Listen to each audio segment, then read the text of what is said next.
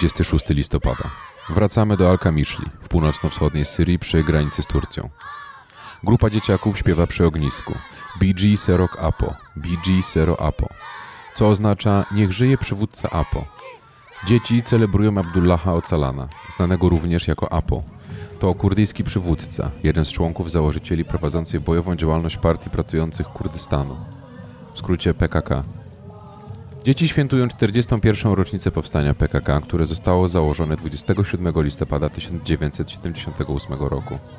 Partia Pracujących Kurdystanu jest organizacją kurdyjską o marksistowsko-leninowskich korzeniach, utworzoną pod koniec lat 70. Jej pierwotnym celem było ustanowienie niepodległego państwa dla ludności kurdyjskiej. PKK rozpoczęła kampanię z bronią na rzecz niepodległości Kurdów w 1984 roku. Ludność kurdyjska od wieków zamieszkiwała wschodnią Turcję, Irak, Iran, Syrię oraz Armenię, ale nigdy nie stworzyła własnego państwa. PKK jest uważana za organizację terrorystyczną przez rząd turecki, Unię Europejską oraz USA.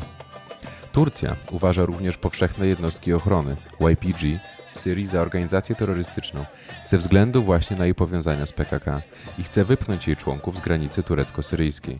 W tym celu, 7 tygodni temu, 9 października, Turcja rozpoczęła ofensywę, aby stworzyć 30-kilometrową bezpieczną strefę wzdłuż granicy z Syrią. Dzisiaj, mimo poczucia niepewności, ludzie w różnym wieku przybyli do jednej z dzielnic Al-Kamiszli. Nastolatek bierze gałąź i ciągnie ją w kierunku płonącego stosu. Czwórka dzieci trzyma gałąź i wrzuca ją do ognia, wokół którego gromadzą się młodzi ludzie, chłopcy, dziewczęta, matki z dziećmi oraz lokalni reporterzy. Dla Kurdów ogień jest symbolem wolności. Ściemnia się, ale mimo tego młodzi ludzie tańczą dynamicznie. Piosenkarka śpiewa po kurdyjsku rewolucyjne piosenki. Publiczność tańczy, unosi ręce i rzuca petardy.